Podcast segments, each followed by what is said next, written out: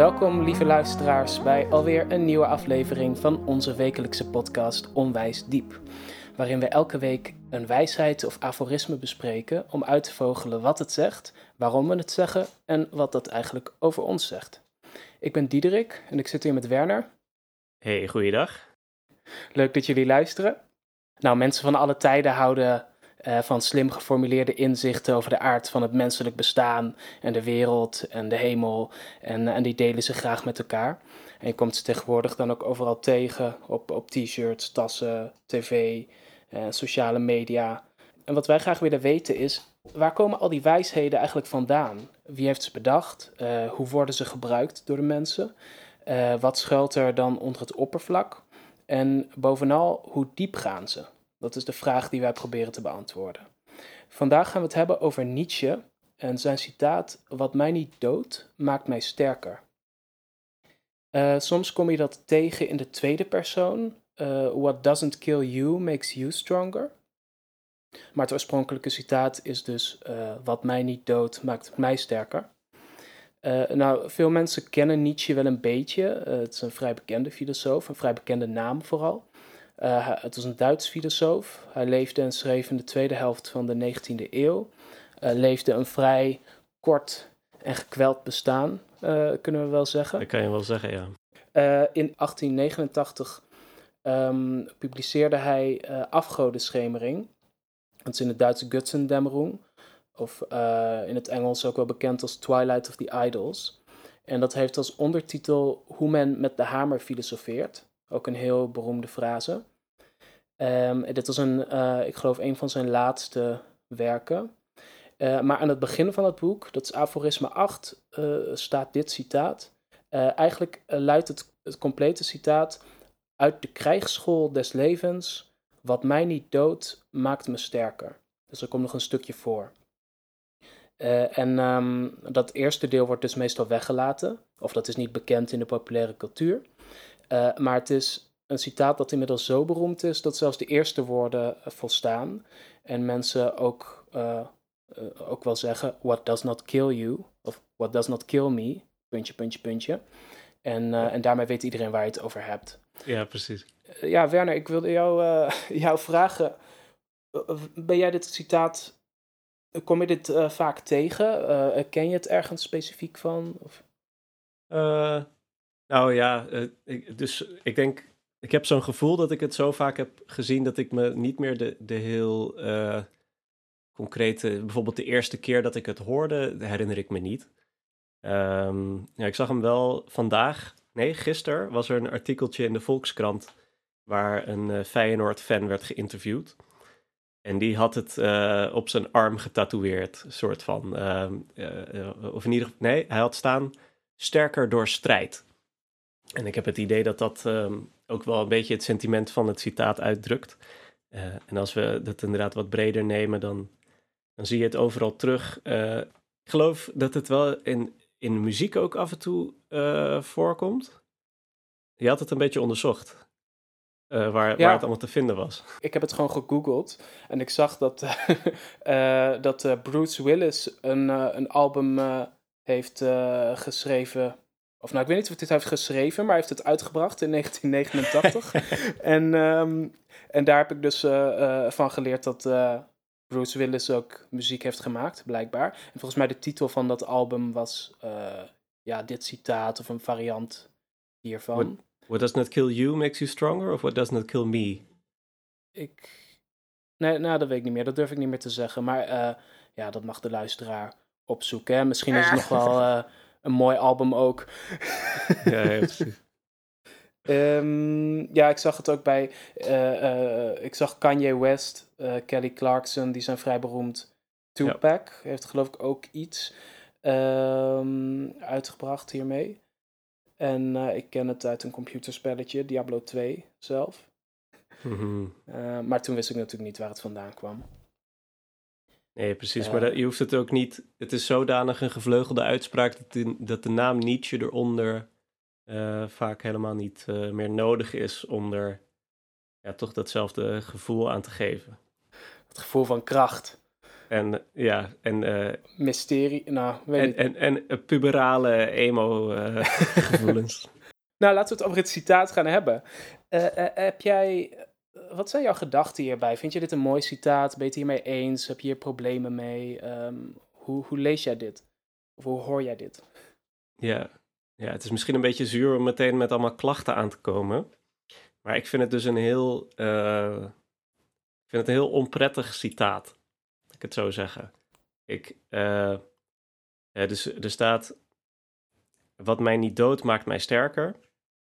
En dat kun je natuurlijk lezen als een soort uh, uh, defiance. Zo van, haha, je dacht dat je mij eronder kon krijgen.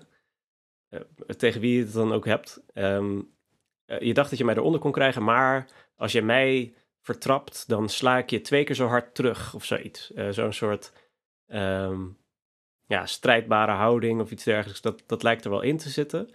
Maar ik denk dan heel snel van, eigenlijk vind ik het helemaal niet fijn als je zegt dat het, dan interpreteer ik het dat het gaat over het leven. Wat mij niet dood maakt mij uh, sterker. Want het gaat over de krijgsschool des levens. Dus het gaat niet alleen maar over letterlijke strijd. Want ik, als iemand je arm eraf hakt, dan kan je niet harder terugslaan. Dat is. Uh, daar hoef ik het denk ik niet over te hebben. Dat is gewoon vervelend. Ja, nou ja. Uh, dus zeg maar, de, die, uh, de Black Knight in Monty Python is een uh, voorbeeld van iemand die uh, wel, wel degelijk, nou ja, niet vermoord, maar waar die echt niet sterker van wordt, omdat hij op een gegeven moment zonder benen en zonder armen op de grond aan het schreeuwen is. goed voorbeeld en goed beeld, inderdaad. Ja, ja.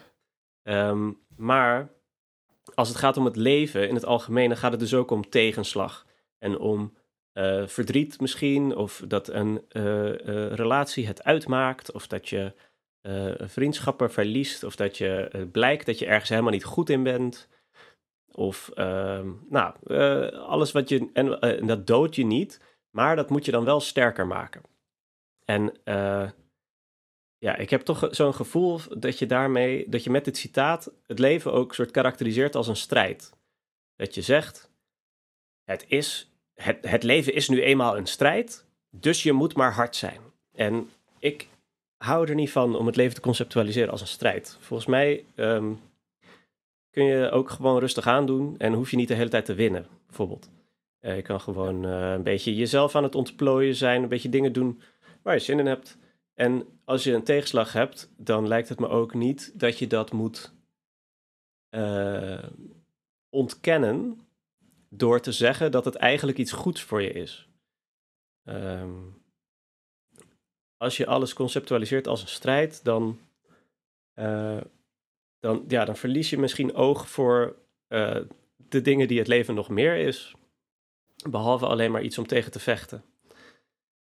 Uh, dus ja. dat, zijn mijn, dat zijn mijn eerste gedachten. Ja, dus, um, dus wat jou dan het meest dwars zit, is dat eigenlijk het het weggelaten eerste deel van uit de krijgsschool des levens. Dat, dat klinkt nog steeds een beetje door in hoe men het citaat gebruikt. Van, uh, en dat zit misschien dan in het woord uh, sterker. Ja, en ook in het doden natuurlijk. Want als je zegt wat mij niet doodt, dan suggereer je dat er een, ja, dat iets jou probeerde te doden. Ja, precies. Maar kun je dit niet misschien um, laten werken of wat gunstiger uitleggen wanneer je het ja, je kan natuurlijk ook gedood worden door, of, of bedreigd worden in je bestaan door um, onpersoonlijke krachten. Dus niet door mensen die jou een kopje kleiner willen maken, uh, maar het, uh, de lotgevallen, het lot, zoals men dat van oudsher, denk ik, ja, vooral Heeft, heeft begrepen. En kun je er dan niet, denk je dat je er dan misschien meer mee, mee kan als je, het, als je het zo opvat? Of tenminste, laat ik het ja, wat bedoel je met het lot? Uh... Nou, de dingen die je, die je overkomen, misschien niet door, door andere mensen, maar um, ja, bijvoorbeeld verlies. Kijk, je, je refereerde daar even aan van. Uh, jij zegt, je houdt er niet van om het leven überhaupt op te vatten als een soort, ja, als een strijd. Want dat maakt je misschien ja, ook ongevoelig of blind voor dat je er ook anders mee om kunt gaan. Dus op zich dat dat is een punt waar ik wel wat voor voel. Aan de andere kant, het leven voelt wel eens als een, ja, als iets wat je moet doorstaan. Zo'n flinke uitdaging. Ja, natuurlijk. Zo'n flinke uitdaging. En ik geloof dat het, uh, ja, dat is natuurlijk een goede vraag. Is dat cultureel of is dat iets um, oorspronkelijks van hoe we in elkaar zitten? Dat we toch wel geneigd lijken om, om er een strijd in te zien. Of dat is een metafoor die je toch heel vaak tegenkomt bij mensen. Ook als ze omgaan met ziekte. Uh, daar, daar is ook tegenwoordig wat meer natuurlijk uh, aandacht voor. Met, uh, ja, nu ook met corona, maar je ziet het vooral vaak met mensen die, die, die kanker hebben. Dat heel vaak. Oorlogstaal wordt gebezigd. Inderdaad. Ja. Um, en Terwijl... ik denk dan, ja. Zou je dan zeggen dat dat oneerlijk is? Want ik zou wel zeggen dat dat niet, uh, uh, niet de correct, of in ieder geval niet altijd de correcte manier is om dat te benoemen.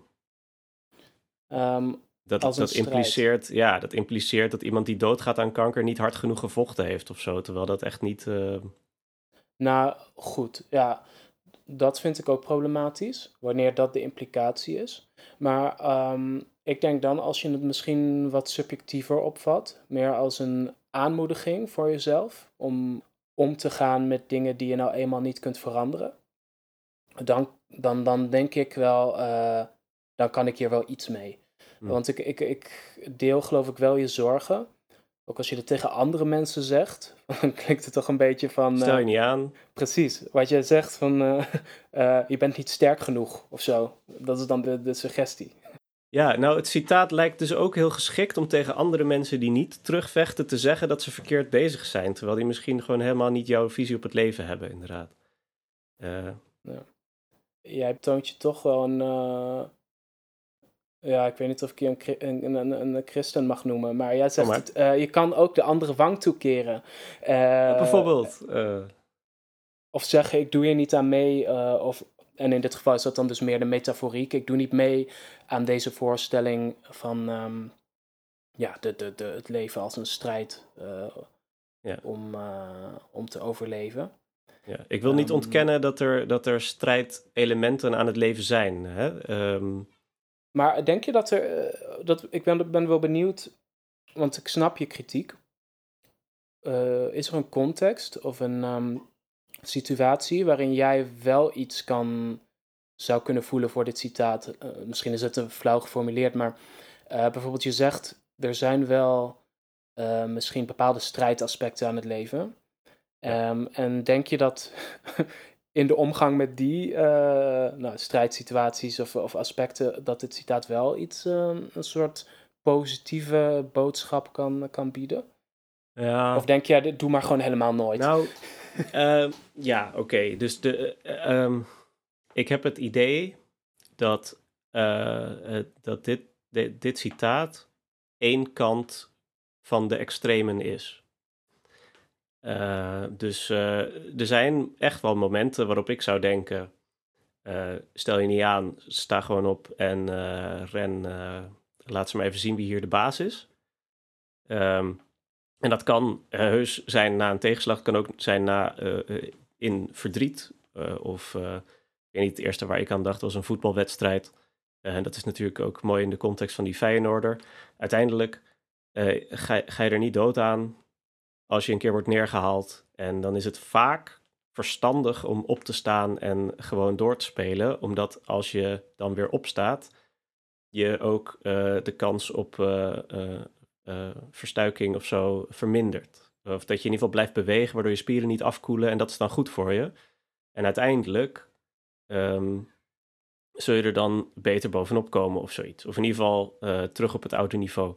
Er zijn natuurlijk ook gevallen waarbij je bent neergehaald, waarbij je echt wel even stil moet blijven liggen. Waarbij het gewoon een betere keuze is om dat niet te doen. Uh, dus ik denk dat ik het probleem heb met het idee dat je altijd zou moeten opstaan. Soms dan mag je even blijven zitten. En dan kan je even kijken, joh, misschien wilde ik deze voetbalwedstrijd wel helemaal niet doen. Uh, of misschien moet ik eventjes uh, rustig aan doen om, uh, nou ja, niet zozeer de strijd weer aan te gaan, maar gewoon met, met andere dingen be bezig te gaan. Uh, ja. Een biertje drinken met vrienden. Maar dan hou je dus wel de mogelijkheid open dat dit citaat misschien, of deze boodschap, deze manier van denken, iemand zou kunnen helpen. Ehm, maar dat je wel, eh, eh, ja, maar dat je het niet kunt veralgemeniseren of niet kunt zeggen, ja, dit is de, ehm, dit is altijd een goed advies of zo. Jij zegt, de meeste situaties zijn eigenlijk niet van de aard dat dit citaatje gaat helpen. Eh, in de meeste situaties doe je er waarschijnlijk beter aan om, ehm, ja, misschien de, de strijd even te staken en te zeggen, is er wel een strijd en een rust te nemen of met iemand te praten of weet ik veel. Ja. Ik zit te denken of dat eerste, die eerste helft van uh, Wat mij niet dood, dat lijkt over van alles te kunnen gaan. Dat, en dan gaat het met name om hele zware tegenslagen, uh, zoals um, uh, het verlies van een geliefde of zo, of het niet bereiken van je midlife doelen. Um, ja. Of uh, of, nou ja, of dus een, een zware lichamelijke verwonding of iets dergelijks. En ik denk eigenlijk de enige context waarin stel je niet aan uh, wat je niet dood maakt je sterker. Dat het dan met name gaat om dit heeft je eigenlijk helemaal geen ernstige schade toegebracht. Dus ga maar door. Uh, ja, hoewel. Dus wat mij niet dood lijkt dan te gaan over heel veel verschillende, toch best wel schadelijke dingen. Terwijl ik zou willen zeggen, soms dan soms dan, dan moet je uh, weten dat je niet hoeft, jankend op het veld hoeft te blijven liggen. En dat je ook gewoon kan opstaan. En dat er dan niks aan de hand blijkt te zijn. Dus dat is een context waarin je dat kan zeggen. Maar je moet dat inschatten per situatie wanneer dat gepast is. Ja, ja nee, daar ben ik het helemaal mee eens. Maar ik denk ook wel dat het. Uh, ja, dus dat wat mij niet doodt, kun je zeker bij Nietzsche ook wel.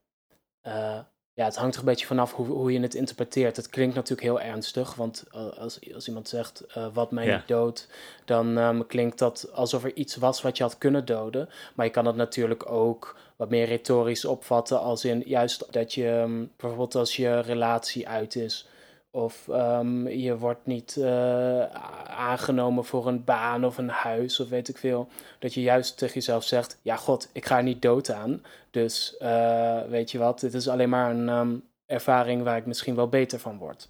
En ik sure. denk dan ook dat die. Um, ja, dat het, een, dat het soms kan helpen om even zo te denken.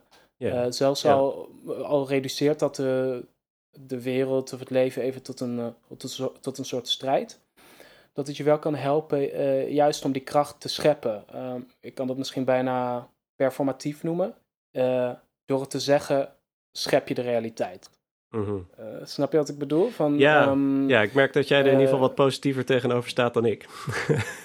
ja, dus ik, nou, ik, ik, deel je problemen wel, maar ik, ik probeer dan toch... iets te redden ja, ik, ik probeer toch te. Um, en, en het is ook wel omdat het me doet denken aan. Eh, kijk, wat jij zegt is een kritiek die je denk ik in het algemeen op heel veel van, van Nietzsche's denken kan, uh, kan leveren. Van nou ja, goed. Het stelt de wereld wel erg voor als een krachtenveld. zijn wel weer extremen, ja, ja, ja, dat is waar. Um, maar soms voel ik daar ook wel weer wat voor. Ik vind het toch ook ja. wel soms mooi. Zeker in zijn eeuw natuurlijk. En, en uh, hij, hij, leeft in een heel christelijke context. Waarin, het, uh, waarin je natuurlijk ook weer um, veel dat idee had van... We zijn slecht en we verdienen te, li te lijden. En, um, en uh, mm. je kan maar beter braaf zijn en stil. En dan, weet je, dan krijg je beloning in de hemel. En dan zegt ja. Nietzsche zoiets van... Nee, nee, nu, hier. Fuck you. Um, ja. En, ja. en uh, wees geen slachtoffer of maak jezelf niet symbolisch tot slachtoffer. Ook al ben je slachtoffer soms. Um, en opnieuw, we voelen meteen het gevaar daarin waarschijnlijk. Van, uh, want je kan natuurlijk ook, zeker als je mensen gaat um, betichten van, uh, van slachtofferschap of zo. Ja, het heeft wel een, een, een scherp randje. maar ja. ik zie daar toch wel een waarde in.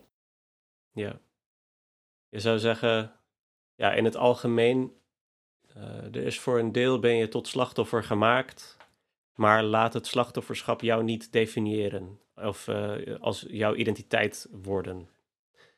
Ja. Uh, en ja, ik zit even te denken of dat niet, um, dat niet juist inspeelt op het probleem dat ik, uh, dat ik probeerde te benoemen.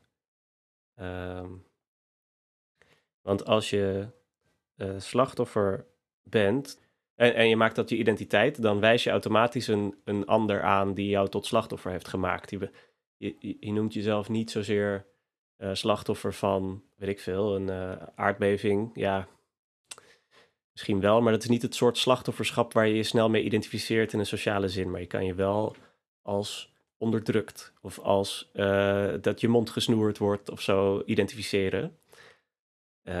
En dan zeg je dus ik ben slachtoffer en daarom bind ik de strijd aan met mijn onderdrukkers. En uh, ik heb het idee dat dat juist het nog steeds zo in stand zou houden. Als je begrijpt wat ik bedoel. Maar is dat niet ook, als je nu een beetje in die richting gaat, is het niet ook juist goed dat sommige mensen de strijd aangaan, die bijvoorbeeld juist in een, in een context van onderdrukking, Um, of, uh, ik bedoel, Nietzsche is niet voor niets heel populair geweest onder socialisten, maar ook onder, weet je, um, ja, iedereen die wil die opkwamen voor, ja. de, de, voor de, de, de uh, niet, niet zo bevoorrechte klassen. Zoals de um, Ariërs. Sorry hoor, uh, maar iedereen die wil strijden, die gebruikt het citaat graag. Ja, maar goed, je hebt toch mensen die van onder een systeem lijden. Ik bedoel, natuurlijk zijn er mensen die dit citaat ten onrechte gebruiken en zichzelf voorstellen als als uh, onderdrukt. Maar aan de andere kant, uh, jij levert kritiek op de voorstelling van de samenleving of de wereld als een, als een strijdtoneel. Maar uh, ja. hoe komen, komen burgerrechtenbewegingen ook, ook op gang zonder dat, als men zegt er is geen strijd, er is niks om tegen te vechten? Dat kun je wel afvragen, toch? Ja, oké. Okay. Misschien dat ik het dan. Dat, dat klopt natuurlijk. Er is wel iets om metaforisch voor te vechten maar niet, liever niet letterlijk. Politieke actie kan toch zonder geweld. Misschien dat, dat er wel altijd een punt moet zijn waarop het in geweld om kan slaan, waardoor je als het ware niet, zeg maar, als jij als vreedzame demonstranten komt opdagen voor welk doel dan ook, klimaatverandering of zo. Ik las daar een keer een artikeltje over, over, over, over een boek, dat zij klimaatdemonstranten zijn veel te lief. Ze werden, naar een, ze werden door, door de ME of zo naar een spoorweg geleid of ge, teruggedrongen. En, wat ze, en, blijk, en ze lieten zich oppakken. En wat ze hadden kunnen doen was met stenen gaan gooien die bij de spoorweg lagen. Waarom deden ze dat niet? Ja, ze zijn te braaf. En daarom gebeurt er ook niets op het gebied van uh, klimaatbeleid uh, om dat te verbeteren. we denken dat we alles met woorden kunnen oplossen en daarom, daardoor gebeurt er niks. Ik snap wel dat je dat kunt zeggen, maar ja, er moet een punt zijn waarop je moet zeggen: hey, jij schuift mij aan de kant met geweld, dat, daar druk ik op terug. Ja. Maar ik zou wel willen dat dat niet de insteek is van de hele demonstratie, om het maar zo te zeggen. Uh, dus het leven is niet een strijd. Het, het, ja. Misschien dat daaronder een voorwaarde van, van niet geweld moet worden gehandhaafd. Uh, waar, zeg maar, op een gegeven moment, als iemand mij uh, enorm aan het lastigvallen is, fysiek, dan ga ik op een gegeven moment wel iets terug doen. Ja. Of als iemand daarmee dreigt met een wapen of zo, dan denk ik, oh, uh, blijkbaar worden we fysiek. Ik bedoel, ik ga proberen dat zoveel mogelijk te... als ik mijzelf als een volwassen mens beschouw en de ander ook, dan ga ik wel zeggen, hé, hey, doe eens weg. Ik doe toch niks. Rustig aan, joh. Het is nergens voor nodig, geweld. Terwijl hij dan zal zeggen, alles wat je niet dood maakt je sterker. We gaan uh, vechten. Dan denk ik, ja, ja goed. Dus jij, hebt wel, jij neemt het citaat dan wel, wel, wel letterlijk. Of je ziet, um, je hebt vooral een probleem met een letterlijke toepassing ervan. Maar ik denk alsnog dat je het ook wel op een geweldloze manier kan toepassen, dit citaat. Dat je ook kan vasthouden, misschien in de eerste fase van bijvoorbeeld opkomen voor rechten, vasthouden aan een soort strijdmodel. En, uh, en zeggen bijvoorbeeld uh, als de politie een uh, opstand neerslaat, zeggen nou ja, we zijn niet dood. Wat ons niet dood, dat maakt ons als beweging bijvoorbeeld sterker. Ja. dat gezegd hebbende zie ik ook wel, en ik geloof dat we daar, daarin wel op één lijn zitten, dat het belangrijk is om op het juiste moment te beslissen wanneer ja, wanneer je misschien ook over kunt gaan op een andere metaforiek. misschien meer nou, van ja. een, uh, een gesprek. En, um, Eh, maar ja, ik weet, dit is een, dit is een groot, groot thema. Hè? Omdat er heel veel mensen die dit luisteren, die zullen misschien zeggen: ja, weet je, het is leuk als dat moment ooit komt dat we niet hard hoeven te strijden voor, voor onze rechten. Ehm, maar uh, ja, voorlopig zien we dat nog niet gebeuren. Ja, dus ik wil wel, oké, laat me dit dan even gezegd hebben. Ik zou willen zeggen, je moet moeite doen voor wat je belangrijk vindt. Uh, en dat kan uh, moeite doen zijn door uh, te, te, stemmen of op te komen dagen of het gesprek aan te gaan met mensen. Of door iemand die dreigt af de handle te vliegen tot de orde te roepen. En daarmee een risico te lopen voor jezelf, tuurlijk. Um, moeite doen en, en politiek handelen, dat is absoluut iets dat moet gebeuren. Maar ik, zou, ik denk dat ik het idee van een strijd die je moet overwinnen, die zet automatisch een ander neer die overwonnen moet worden. Uh, en, en ik denk dat dat ons dat dat niet helpt. Uh, eigenlijk per definitie niet. Dus of je het nu, of je het nu de, de strijd tegen kanker als strijd tegen kanker neerzet. Het motiveert wel, maar het motiveert vaak nou ja, het heeft ook de schadelijke kanten, denk ik. En, en zo ook een, een strijd voor klimaatverandering motiveert, maar op het punt dat je die metafoor te, ja, dat het verder wordt dan alleen maar een motiverend soort, we gaan er tegenaan. Um, moeite doen klinkt veel lulliger. Maar ik ben wel voor een herwaardering van moeite doen. In plaats van de strijd aanbinden. Mooi. Uh, nou, dat, dat, dat vind ik een mooie manier om, om, uh, om te besluiten. Ik denk dat dat een. Uh... Ja, nee, en daar, dat, dat ben ik ook met je eens, geloof ik. Um, het is natuurlijk een, een strijd, houdt altijd, stelt altijd voor dat er twee partijen zijn, of in ieder geval heeft die suggestie. en voor en tegen, weet je, vriend en vijand. Goed en slecht. Ja, dat kan natuurlijk ook een eindeloze cirkel van geweld in de hand werken. Dus revolutie na revolutie na revolutie. Uh, goed. Um, weg ermee. Ja, weg ermee. ja, ik wilde je vragen. Um, hoe diep is dit citaat? Hoe, uh, hoe diep vind je het? Ja, niet zo heel diep. Uh, en niet alleen omdat ik het er niet mee eens ben, maar ook omdat je, en dat is wel de kracht ervan, is dat het wel meteen voor iedereen die het hoort, spreekt het iets aan. Ja. Uh, maar wat het precies aanspreekt, is volgens mij niet een heel diep gevoel, om maar zo te zeggen. Het is namelijk een soort van strijdlustigheid en dan verder niks. Um, uh, dus uh, twee. Ik denk dat het twee vadem diep is. Ja, daar, daar sluit ik me bij aan. Ik denk, ik denk ook dat het, ja, dat het geen bijzonder diep citaat is. Misschien ook niet pretendeert te zijn. Als je kijkt naar het eerste helft uh, de, uh, van het uh, citaat. Um, en, en vind je of dat dit nog steeds op t-shirts mag? Mag dit, mogen mensen dit op Facebook zetten? Nee, nee, dat mag niet. Nee, dat, die voelde ik al aankomen. wat, wie gaan we volgende keer bespreken? Ja, volgende keer mag, valt mij de eer om een mooi citaat van Goethe te introduceren. In de beperking toont zich pas de meester en alleen de wet kan ons vrijheid geven. Oh, dat wordt smullen. Ik ben heel benieuwd. ik ook. Bedankt allemaal voor het luisteren. En uh, nou, hopelijk tot de volgende keer wanneer we het gaan hebben over.